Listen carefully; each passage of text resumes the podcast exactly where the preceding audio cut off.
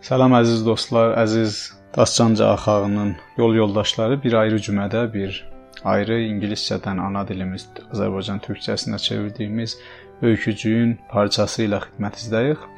Bu gün e, Mark Twain-in yazdığı Şans öykücüyünün 3-cü bölümünü oxuyacağıq birlikdə.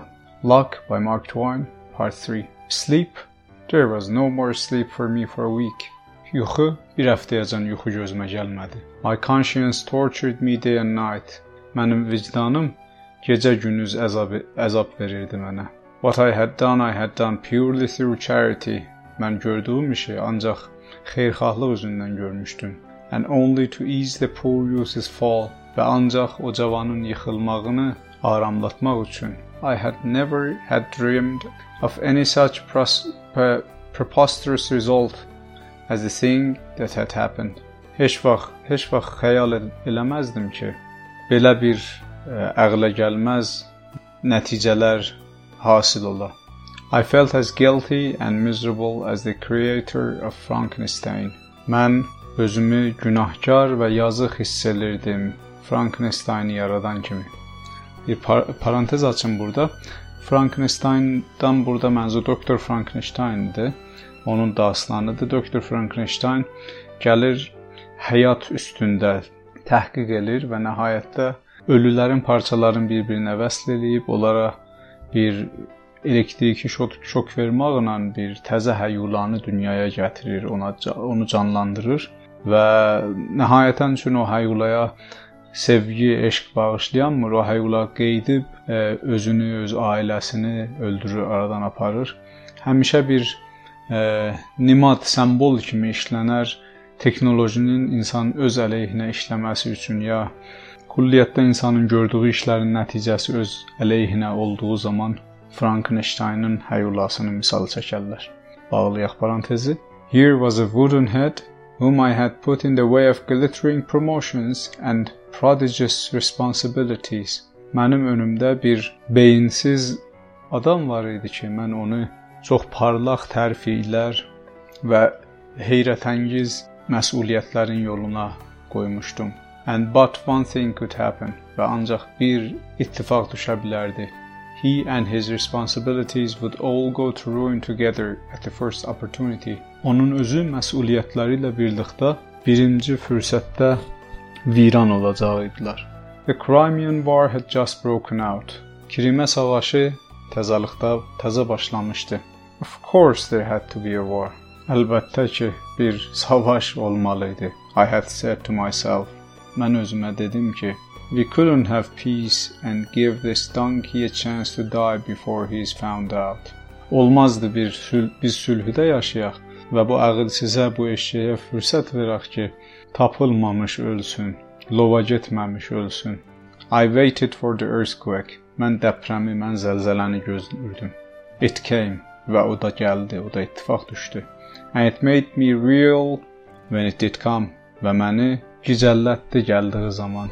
He was actually gazetted to a captaincy in a marching regiment. O doğrudan da o kapitanlıq, sərvanlıq rütbəsinə qoyulmuşdu bir savaşa gedən həngidə. Veteran veteran grew old and grey in the service before they climbed to sublimity. Ondan daha yaxşı olan kişilər xidmətdə qocalıb və başları ağarırdı ondan qabaq ki, e, belə bir tərfilərə yetişsinlər. And who could ever had foreseen that they would go and put such a load of responsibility on such green and, and inadequate shoulders?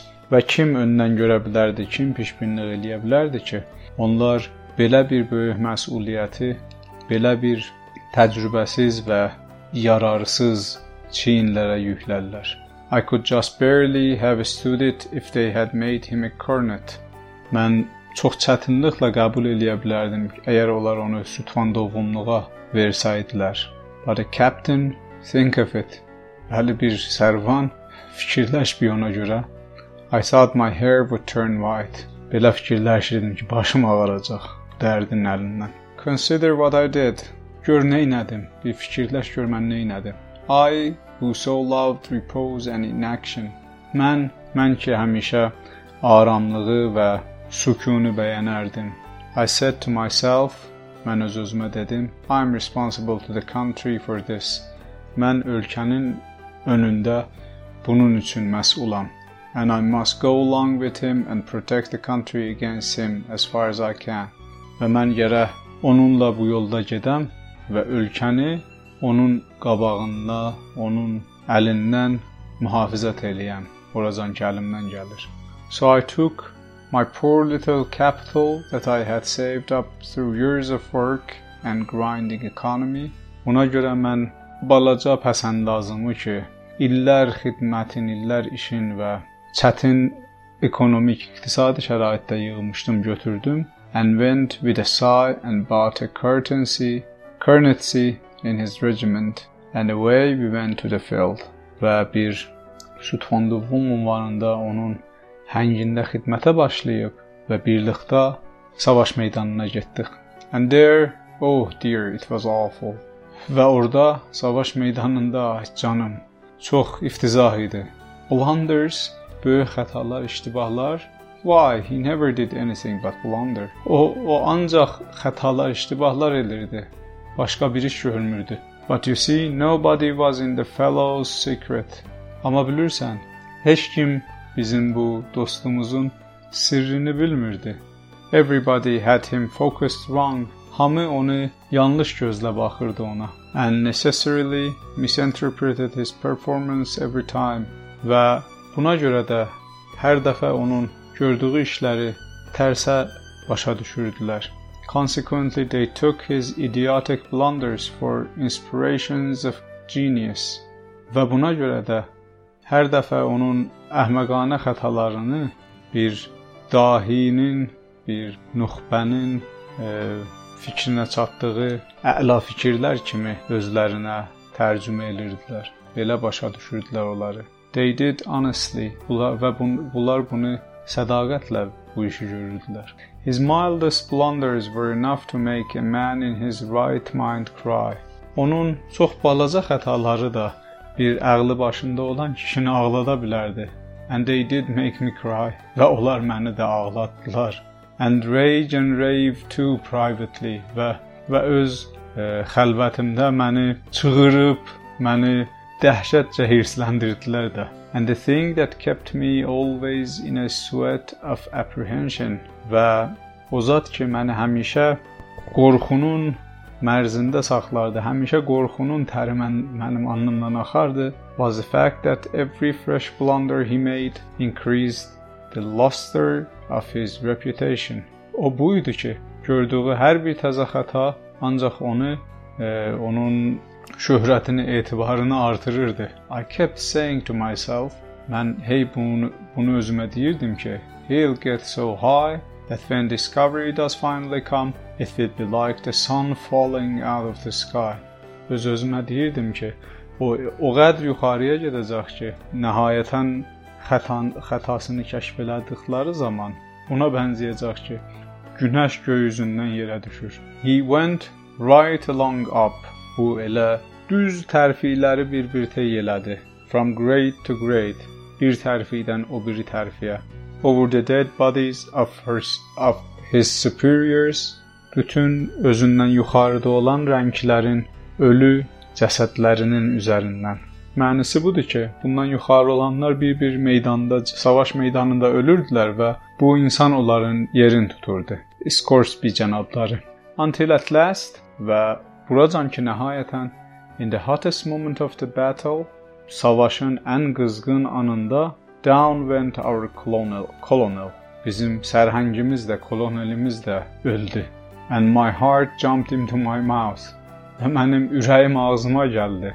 For Scoresby was next in rank. Ona görə ki, Scoresby, Scoresby ondan sonra ən yuxarı olan dərəcəli əfsər idi. Now for it, I. İndi, indi ki belə oldu, öz özümə dedim, we'll all land in Shoal in 10 minutes, sure. Şübhəsi yoxdur, şək yoxdur ki, biz 10 dəqiqənin içində ölümü görəcəyik. Bu həftəlik bu qədər əziz dostlar. Bir neçə kəlməni də birlikdə mürür eləyək. Bəlkə bir şeylər yadımızda qaldı və öyrəşdik. Conscience C O N S C I E N C E vicdan mənasındadır. Conscience vicdan. Torture, T-O-R-T-U-R-E, işkence, şikence, əzab, torture. Preposterous, P-R-E-P-O-S-T-E-R-O-U-S, preposterous, müzhik, ağılsız, əhməqanə. Prodigious, heyrət, heyrət edici, heyrətavər. Regiment, R-E-G-I-M-E-N-T, həng mənasındadır. Ordunun bir böyük bölümündən həng. Farsda həng deyilir ona. Repose, R-E-P-O-S-E, repose, yəni sukun, aramış, səssizlik. Pause, pause yəni dayanmaq. Həttəmən ki görmüsüz, zəbtlərdə, videolarda pause və durub əks üçündə dayanıb əhs almağa da pause deyirlər. Deyirlər to pose for a photo, yəni bir dayanıb əks almaq. Repose da sükun, aramış elə həmin rişədən dayanıqlıq, sukun mənasındadır. Blunder, B L U N D E R, blunder, böyük iştibah, böyük xəta, böyük xəbtə blunder deyilir. Reputation, reputation, R E P U T A T I O N, reputation, şöhrət, etibar, abru, abr, reputation deyilir ingiliscədə. Colonel, kolonel də İranın ordusunda sərhəng müadil sərhəngidir, kolonel. Yaşayasınız əziz dostlar. E, gələn həftə Şans öykücüyünün 4-cü bölümünü birlikdə qulaq asacağıq, 4-cü və sonuncu və görək ki, nəhayətdə cənab Scoresby nə şəraitdə və nə cür o yuxarı dərəcələrə çatır və bizim cənab keşişin təriflədiyi dastanın nəticəsi nə cür olur. Çox sağ olun, özünüzdən göz olun. Gözəl həftə arzulayıram hamımıza gələn cümə görüşənədək. Sağ olun, sağlıqla qalın. Have a great week ahead of you. Uh, I wish you a, a nice one and see you next Friday. Take good care of yourselves. Goodbye.